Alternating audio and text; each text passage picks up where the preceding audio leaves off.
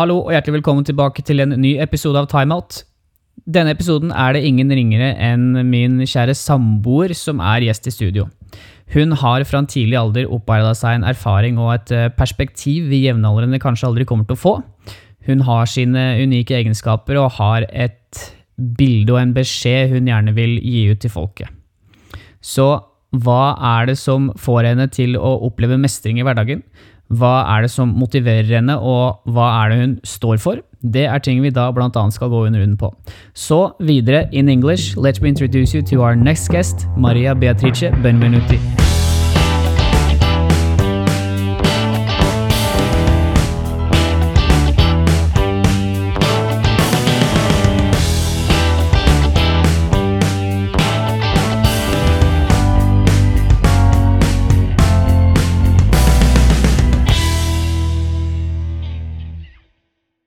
Why do I stress you? Why you don't stress me? And why do I stress you? Come on. Let me know. Why do I stress you? I just ask you, are you ready? You're nervous. It's good. You do this all the time. And by that, we actually, oops. By that, we actually had no better introduction. You're recording! I am, yes. Motherfucker. Maria Beatrice Benvenuti, welcome to the studio. How do you you. feel? Feel good? Feel ready for it. You feel Looking ready? Forward. Yeah. You've been seeing me working on this in the background, in the shade. How do we want to call it? And now you are sitting here. Like I said, I have to talk to you, but I've been questioning myself how I want to do it. But I think we just have to dive straight into it. Hundred percent. Let's go on what you do, like what you do for a living, basically. Um, you're a referee.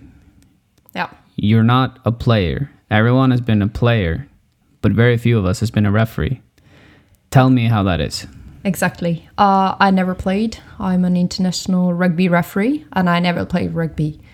Uh, so basically, I know how you should pass a ball and what's a foul play, what is not. Foul But, play? yeah, What is that? penalty basically. Okay, thank Uh, you. Aggressive penalty, we'll say, so that it deserve a card, yellow or red. But I know how you should do stuff on the field, but I don't know how technically do it. Yourself. So yeah, basically I know how you should pass a ball, but I don't know how to pass it. How many years have you been in the World Cup circuit? Is, can I call it that? Yeah. It's a yeah, you circus, kind it. It's a circuit. Uh, well, I've been refereeing for 11 years and I've been international since 2013. So I've been international for both sevens and 15s because Can you explain to the listeners? Because you're talking in codes, which is cool. It's okay. But can you please tell them what's the difference of 7 and 15? Yeah. Uh, so basically, for who doesn't know rugby, we have uh, many different type of rugby. Uh, what I mean is rugby union. Uh, rugby union is the one, the most common competition that you would see in Europe is Six Nation, and we play in February and March, and that's rugby 15. So it means that it's 15 men's or women's uh, playing against other 15 men's or women's, and then there is a referee in the middle and two on the line. So that's basically a game of 30 people on the field. While the rugby sevens, it's the Olympic version of rugby, has been introduced in 2016 in the Rio Olympics, and I've been um, honored to be there and represent my country. And then you play sevens against sevens. So it's basically a reduction of what is the rugby 15s. So you can imagine it's faster and is a lot of athletics in there. I prefer the sevens. running. I prefer the sevens Yeah, because well, it's much more entertaining for, For, me. people that doesn't know rugby, uh, the sevens is really entertaining and is a lot of uh, skills, a lot of running, a lot of Speed. tackling and speed.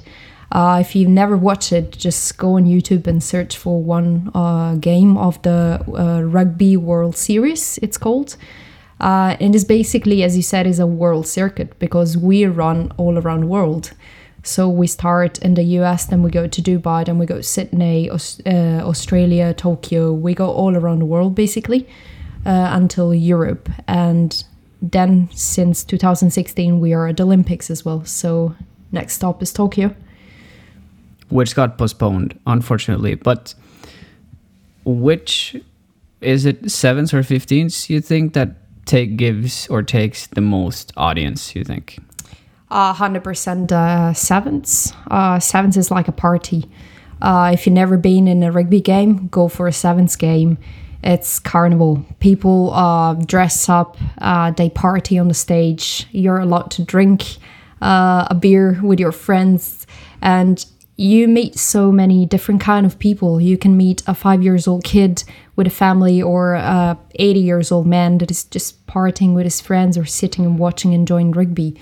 And I think it's a very cool atmosphere because it shows what really sport is. It's enjoyment, is uh, playing together, is having fun together, and watching people that they enjoy playing their own sport. You know, for us Norwegians, we don't really have a big uh, relationship to it. We have cross country skiing, and well, now we have 400 meter hurdles, but it's like we're a winter sport. That's what we do. Yeah, But well, in Norway it's pretty new, but you have a federation that is working pretty well, and we're trying to improve. And I'm I'm, I'm working on the side with them a little bit um, locally in Oslo, um, and we're trying to improve the sport because I think it has a lot of potential, and we have some cultural limitation because it's not well, as you said, it's not that known here, and it's a contact sport, and. Let's say that uh, northern countries they're not really into contact sport. Physical sport is like a culture thing, maybe. no, absolutely, it's a culture thing. So when you say to a mother that her son or her daughter is gonna go in a full contact sport when she's at the age of six or ten, even though we start with tag rugby, so you will have a belt and you tag on the side instead of tackling, still she may think two times before sending the kid to your sport. So that's a lot of work to do, but I'm pretty positive uh, that you have a good potential over here. So I'm looking forward to see more numbers coming out. Yeah, but I'll I'll build on your momentum there. The thing is, the first time I saw this when I was traveling with you, um, it was to London, and I saw a game, and for me it was so extreme because I'm used to hockey, handball, and those kind of things. Like it's rough, but rugby was like another dimension. It's like it's so raw. It's man against man, no protection, no Right. protection whatsoever. I was thinking these these guys are dying out there, but still they stand up, and then you're like, nah, it's a technique. We don't have to go in further detail on that, but it's it's um it's a way of doing it with which doesn't make it as harmful as it may seem. Hundred percent is not um is not as a violent sport as it may look from outside. Not at all. And that is represented also from the values we have in this rugby that I, I really love them and I think they're really good values and also other sport have them. But probably we're still really attached to them. So we fight and we tackle each other, we injured together on the field, but then we hug each other at the end of the game and we eat together. So we have You eat this- together. Yeah, we have this. It's called uh, in Italian. It's called terzo tempo, but um, in English you would say it's like um, a dinner, a meal all together after the game. Both teams sit together, drink and eat together a meal with the referees as well and you don't go out after the game without sitting with the others. It never happens. Even though you have a rough game, people will sit together and talk to each other. So that's a really um, Unique. sportship and unique, I think. So it is no protections on the field. So you go fight with your own body, but it's not fight to kill the other. It's fight to play and go and sign and play a try. So make points, score as many points as you can. Uh, so that means there's a lot of training, physical training, and also mental training, because it's not that easy to get in contact, fall down, and stand up again. Uh, but one thing we know is you always know that you have another player, another teammate that is on your back, ready to support you, and that's something that goes over um, the field. So it's not only on the field; it's also outside. So if you ever played rugby or been involved with rugby, you're part of rugby for the rest of your life. I never met one person that has been involved in rugby, and uh, since it's stopped for injury or age or whatever it is, hasn't been involved with it. It's always a rugby player, it's always a rugby person, and that means a lot, I think. but I mean, obviously, this can I say quote unquote brutality? It goes for women as well. But I want to point you on a road where we want to talk about the fact that you are referring men, Yeah. and it's so easy for a man to sit there and be like, "Oh, what the fuck?" You know the stereotype. Yeah, The stereotype. It's 100%. like, "Oh, it's a woman," blah blah blah, whatever they may say. It's new times. We we're past that, but still, it's like this stigma. It's it's based on our culture. The fact that if I see a female referee, not necessarily me, but if if we do, we're like, okay, Vabo, uh, what are we gonna do? What is your point on that? And how do they take on you? Like, how do they do they respect you as much as a male referee would have gotten well, the respect? you opened up a pretty big topic. I did. Well, if I go back in my history, I started refereeing when I was 16. Um, when you're 16, um, I don't want to be brutal with uh, with the people who are maybe 16 and they're listening to us. But when you're 16, I was not kid, but neither a woman. You're kind of like in a transition process, and still you are alone in the middle of a field in a men's sport because it's mainly uh, seen as a men's sport back home at least um, and is a contact sport. And I got into a role that is refereeing. So culturally, that role is not well accepted as well. And I was a woman recovering that role. Based on your culture, you mean? Uh, yeah, yeah, I would say so. But also, I think in general, overall, the world, the refereeing um, picture is not like the refereeing role is not well seen.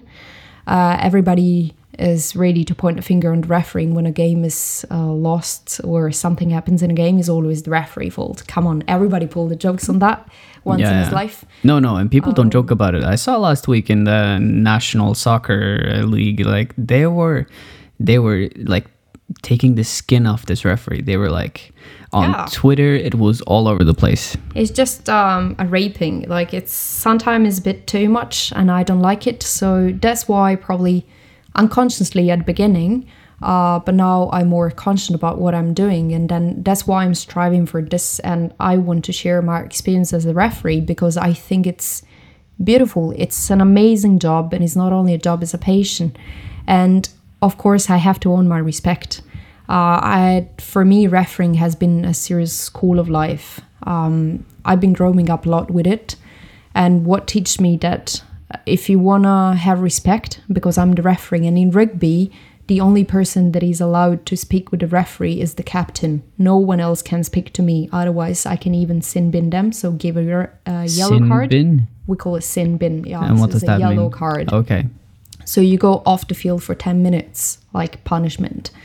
Uh, so let's say another player that is not a captain is coming up to me to say, oh, referee, you ask questions or uh, complain about something. I will say, go back, I talk with the captain. Uh, if it still goes on, I can give a, re- a yellow card and then a red.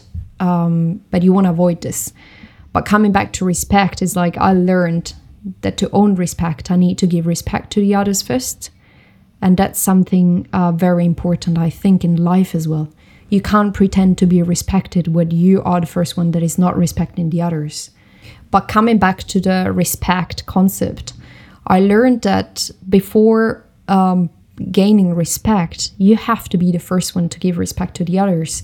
And that's not only on the field as a referee, but is also in life. You can't pretend to people on the street to respect you when you're not respecting them, or you're shouting at them, or you're throwing stuff on the on the road, and then you tell them, "No, don't throw the bottle on the street," when you have done it before. But how do you gain respect? Well, how do you gain respect? Um, in many ways. Um, or like how do you give respect? You said you have to give respect to 100%. earn, but how For do me, you do that? The way I learned that and the way I give respect to them is coming on time at the at the game, so not showing up at the last second, uh, showing up always with a smile on my face because uh, problems that I have at home or outside the field, they don't deserve to be on the field. You have to think that people have been training an entire week, an entire season to play that game, and you're no one to ruin that game. And the same is like in work in life. You can't show up in a working place angry or with problems on your mind and then you you ruin the day of other people probably. And another um, important thing for showing respect for me is coming in the changing room because I need to check the equipment and I need to check documents for each player. And showing up in their place is their home. So you come in with a smile on your face, you say good morning or good evening or whatever it is, and you show empathy. You're positive, and that uh, that gives a lot. And also being open on the field to communication. Who has been having me on the field knows that I'm very open to communication, just a respectful and positive communication. Uh, but I'm open to it because I think they deserve as much as I deserve to be there. And another important thing is connected also to my um, to my gender. So being a woman, uh, being on field and learn to be a leader and not a boss. Not being a teacher pointing the finger and say, "Oh, that was a knock on. That's a forward pass or that's a penalty." Just be positive, proactive, empathic in explaining what's happening and not being, "I'm the referee. I'm over the top. I know what's going on." And sometimes it happens to me. I have to put my hands on hands up, sorry, and say, sorry, apologize, I did a mistake. It happens. As you do mistakes as a player on the field, I also do mistakes. It's human. We're both human. And by showing respect and recognizing this, I think it's is the way to go. Can you give me an example of a game where you where you are like you feel oh the both teams are tense they're like jesus how am i going to control this and then you end up uh, having them around your little finger kind of do you have any of those examples where you actually get your word through yeah it happens many times. I had many kind of derby games where it's two teams that they promise each other to fight on the field or you know they were playing a very important position. And i read that again in the changing room. That's where the tension is. Then you read how the game is going to go. You you read how the people are reacting on the field how they get on the field thinking they're going to lose they're going to win. You can see it and that's uh, fundamental for me to understand it and when the games get tight uh, the way I deal with it is just stop the time, have a word with the captain, and say, Look, guys, I'm noticing is being a little tension now tense and there is a little bit of fighting, don't make me go further and take my card out of my pocket. Uh, just deal with your team. I don't want to penalize you, kind of. Exactly. I don't like. I think when you end up taking out from your pocket a red card or a yellow card, I lost. It In what means? I was not able to manage it. So if I can prevent it, that's another job that a referee has. It's very complicated to referee. You think it's just on the field and you go around it's a lot of work it's a lot of mental as well um, and that's why you need to be fit because when fitness goes down you you miss oxygen then you can't think properly and then you end up losing the game. You end up not controlling it and not understanding what's actually going on. So you're not just refereeing technically what's in front of you but you referee what's going in people's mind as well.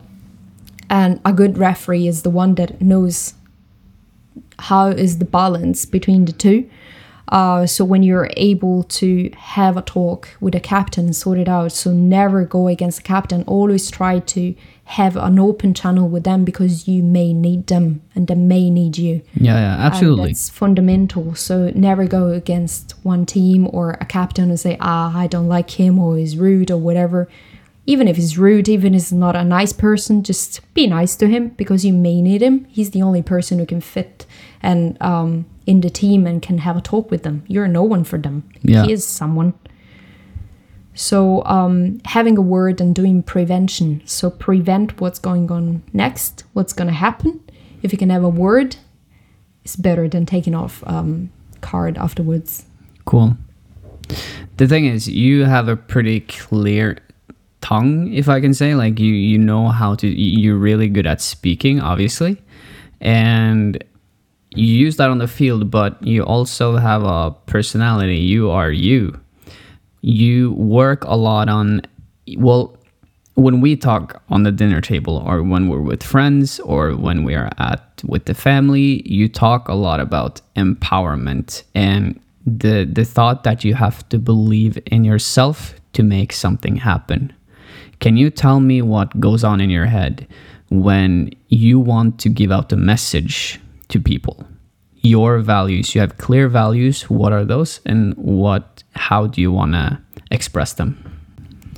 Well, it has been a pretty big journey for me. So when I started refereeing, I started pretty early, as I said, and then I grew up through it, and I started thinking back also in my life and how people may have treated me before, and like I was in school and. Uh, my my teacher, my maths teacher, said, "Or oh, you're fucking stupid because you can't understand how to add and divide numbers and stuff." And I felt so stupid, and um, so I started believing in her. And if I look back six years after, when I was um, like teenager, I went on doing Olympic uh, maths uh, competitions, and I end up in the semifinals. Then I was like, I'm actually not that stupid. And when I started refereeing, people were telling me, What are you going to do? Like, you're not going to arrive anywhere. You're a woman, it's not your place. Like, always against you. And I think many of us have this people or back voice that they talk against you all the time, and it's so easy nowadays to find uh, barriers against what you want to do instead of things that they're going to push you. So if you don't find your inner peace, like if you don't find your inner self to push against those things, then it's really hard. So then I I thought over this and I thought I need to share it. I need to empower others, girls, women, boys, whatever it is, I don't care what gender or color or age it is, it doesn't matter as long as people can be happy and can they strive for their dreams. That's really important. So I started sharing it by doing talks and TEDx or just simply having meetings with teams or other people or companies, big companies, and people that they could have double the age I was, and they were still listening to me because it's it's interesting to share. And I think everybody has a pretty unique and amazing story. We just have to find the opportunity to get it out. So the way I do is um, pointing out a dream and don't be scared of failing because failure is a part of the path to achieve the dream. But I think most of us get lost because we think as the dream is the final goal but we don't set up the middle way, so the middle stones that we need to get to arrive there, which is goals, short terms and long terms. And you have to be ready that they may change because we are made of the entire body, the human body, and the life in general is movement is change. If it wouldn't change, we would be dead right now. So we need to embrace the change, I think, and be realistic because if we set up a goal that is not realistic, then it's really hard to achieve it. Uh, in my example, to be more practical, my dream has always been going to an Olympic, but I was just dreaming of it. I was not thinking of it, um, and it was just in in in the back of my mind. And then I started refereeing. I started doing my stuff. I was not even thinking of it. I wanted to become a doctor and I ended up giving up my studies in medicine because I got into the international level. So I had to travel a lot. And I said, okay, that's the train that comes once in my life. I have to get it. So I put it in the back the medicine study. I can take one at a time. Like, it's not the moment. I need to embrace the moment. Um, and most of the time, we don't see these things or we reject them or just the mind filters them. It's normal. Like, most of the time we have stuff in front of our eyes and we don't see them. So uh, set up realistic goals, strive for them, don't be ready to fail. And you know, it's sacrifice. Anything in life is sacrifice. But what my message to people, especially the youth, is don't stop against um, barriers, obstacle, or people that tell you you can't do it. Um, I did it. And I think as I did it, you can do as well. Like, why not? Why not trying? Uh, maybe you will not succeed. Maybe you'll not open the door. But the feeling you will have when you're on top of that hill, when you're in front of that door and knocking for the third time, and maybe you go through, I can tell you is amazing. Like you should try it because even if you fail, doesn't matter. It's so much satisfaction. What am I gonna say to that? well, no, I, I think it's just um, something that comes from the heart when you experience that and you try and try and um, I mean it, it's not that easy and for me it's it's never been easy I would say uh, but I always found my way to make it easy in my mind at least um, You simplify it. I simplified it, yes, in my way, because everybody has to have a personal way to simplify it, because what works for me may not work for you, um, but can be an inspiration. And that's why I love to share it, because you may not do the same way I did, but you may take inspiration of it and be motivated to do it. And that's really important today. Um, and another important thing is I don't regret to have had no's or people that they were against me. Today I will say thank you to them they were, because they were probably my motivation to show them Like, that I could. fuck them. Yes, exactly. So don't uh, turn your back to people that they say you're nothing or you can't achieve it or whatever. Make it go through your ear, make it go outside from the other, filter it in the meanwhile. Cancel the noise. Cancel the noise, filter it, and make your plan out of it. So I say thank you to those people because probably I will never achieve two Olympics, one youth, and one uh, Rio 2016, three World Cups, and 11 years of refereeing. I will never achieve it without those people um, fighting against me. They kind of gave you fuel to keep on going. Hundred percent, hundred percent. And I think most of the time is about finding your motivation. A lot of people that succeed, if you ask them why did you succeed, what what's motivating you? In my case, it's not money at all. Because if I would do what I do for money, well, I better go do something else because it's not that and that much money. It's not that considerate, and We you don't- get a lot of shit most of the time. we don't have to talk about the gap of salary between men and women and even i've seen even in even in rugby like Yeah. the gap of men and women it's crazy you do, you do exactly the same job but like yeah uh, gender equality is a different topic that's another episode Yeah, we're yeah, here yeah. to talk about you now but very good what you just said. Uh it was long. I don't know how to fulfill it but let's we we, we can go on. Yep. um i want to hear one thing. Because like before games if you're in america australia wherever you are whatever difference there is like if it's night or day you're like ah i have to go prepare myself you have like a pre-game routine but do you also use that when you're going on stage to speak Uh, well, uh, that's a good question. Uh, not all the time. Uh, what I struggle with, to be honest, I struggle to prepare to speeches really because I really go like with the flow. I just improvise. It just comes out. because to because i want to give a little context uh from like not based on the fact that you're a future hall of fame in italy in the rugby society? Yes you are. Absolutely no question. But you also do you do all everything from live instagram speeches where you're a guest to visiting schools in bermuda to talking on ted. And they're all they're all different levels of pressure or audience whatever i should call it but it still should need some preparation you say that you go with the flow but i can't believe that you only go with the flow you need a certain idea so how do you prepare yourself Well, it depends from the contest, but um, for example, for my TEDx, um, it, it was a timing thing. So you need to be in in ten minutes. So you kind of need a preparation in the sense that you have bullet points that you kind of have to need um, to have a draft because you need to be in time. So that was really hard for me. I had to work so much to prepare the speech that I don't even know. Um, and it was so stressful because you have to be in the time and you you have no control of it. So um, that was hard for me. But normally um, and that's part of the way i am probably. Is like i go with the flow i go with the heart. And i love to speak to people. You adjust. I think is it's amazing. Like it's it's beautiful to speak to people, and it doesn't matter of age or gender or culture or whatever they come from. I've been working with very different people, very different religions or cultures, and it's always very interesting and amazing to interact with them.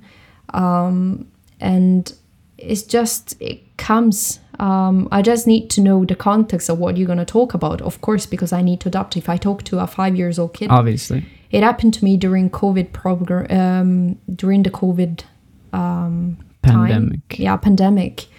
Um, in, in Italy was pretty tragic. Um, then we tried to I tried to collaborate with small clubs and people that were asking me to have talks, especially for kids.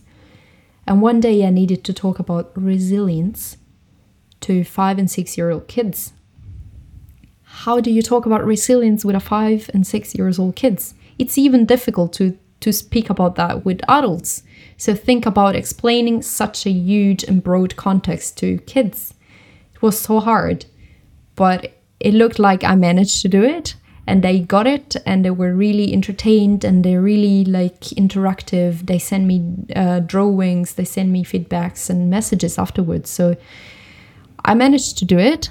I don't know. Um, I don't say I'm proud of myself. It's not about that. I'm. I think I'm a person with the feet on the ground. We will say. Absolutely. So even on the field, like if I go a top division game or international match or a 15 years old match, for me it's the same. Like it's the same passion. It's the same way of refereeing. I just adapt to the level and go for it. Like I don't. I don't care. It's just what I like. So I just do it. Uh, but when it comes to speaking, I just. I guess I'm born with it. I love it. you have the tongue, like I said uh, in the intro there. You're extremely good, and you will. I think, like as time goes, we're young. We need time to structure it, structure our thoughts, whatever it may be. But obviously, this has to be some type of your job, like speaking and giving this, because you have a unique experience and you have knowledge. You read a lot. You're a smart girl. I love to read. I think is very important. It broadens up your mind, and uh, knowledge is bliss. Knowledge is something that makes us move on. Power. And, uh, yeah. Power for oneself, not over others. That's very important. Knowledge is power for 100%. yourself. Knowing more what you do, you can take more Yeah. control over your actions. It's yeah. not random. What people call faith is with control, it's more accurate decisions. Hundred percent. Being ready when the opportunity comes. Yeah. yeah. Eminem style. One Yeah. shot, one opportunity. Yeah, kind of. No. It is. Yeah, yeah. He he speaks the truth. It is. So, to wrap this up, what is your message to anyone out there who's listening and have a thought or a dream or a doubt, whatever it may be? Here you have an open stage. Tell them whatever you want. Never stop dreaming. Um, and with that, I mean not only dreaming in the night, but just dream with your open eyes because it's amazing. Try it. It doesn't matter if it's music, if it's reading, if it's cooking, if it's just sitting on a sofa playing video games or whatever it is, it may be. Just make it your dream and go for it. Uh, if people are against you, don't blame them. Just embrace it and embrace the failure failing is part of it and is really important. And it's a part of the path that uh, makes you go through resilience. It doesn't matter how many uh, times you've been falling. It, it matters how many times you stood up and went for it again. So just um, don't stop. Keep moving because we are movement. We're life and you deserve to live your life in the best way as you can. So um, don't care about other people what they're saying just you're beautiful you're good um, you deserve it you're worth it. And if no one is telling you well i I- i hope i can tell you right now i hope you can hear it from me. So just um, do it for yourself don't do it for others because um, not always they they will support you. But it doesn't matter because one day they will come back to you and say well done. They will I'm pretty sure. So don't be scared to fall because you will stand up again And take time. and take time. Yeah, Knock on every door there is. Do See it. what's behind it. don't stop. Don't say it's not a job for you because you're a woman. It's not a job for you because you come from uh, Guatemala or because you are um, Buddhist or whatever. It doesn't matter. I deserve it. So I go for it. I don't care what you say. I go for it because I deserve it. I'm worth it and I do it. And take what's yours. Yeah. Have some have some dignity and don't don't 100%. d- don't be an asshole. No. But don't be always be nice to people. Um, turn the back to the ones that are not nice to you. Just go.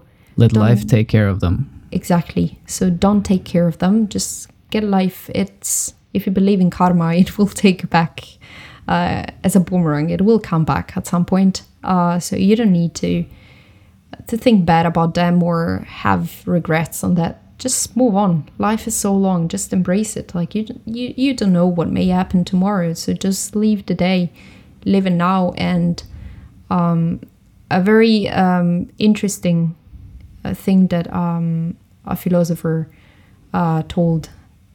It's um, embrace the difficulties.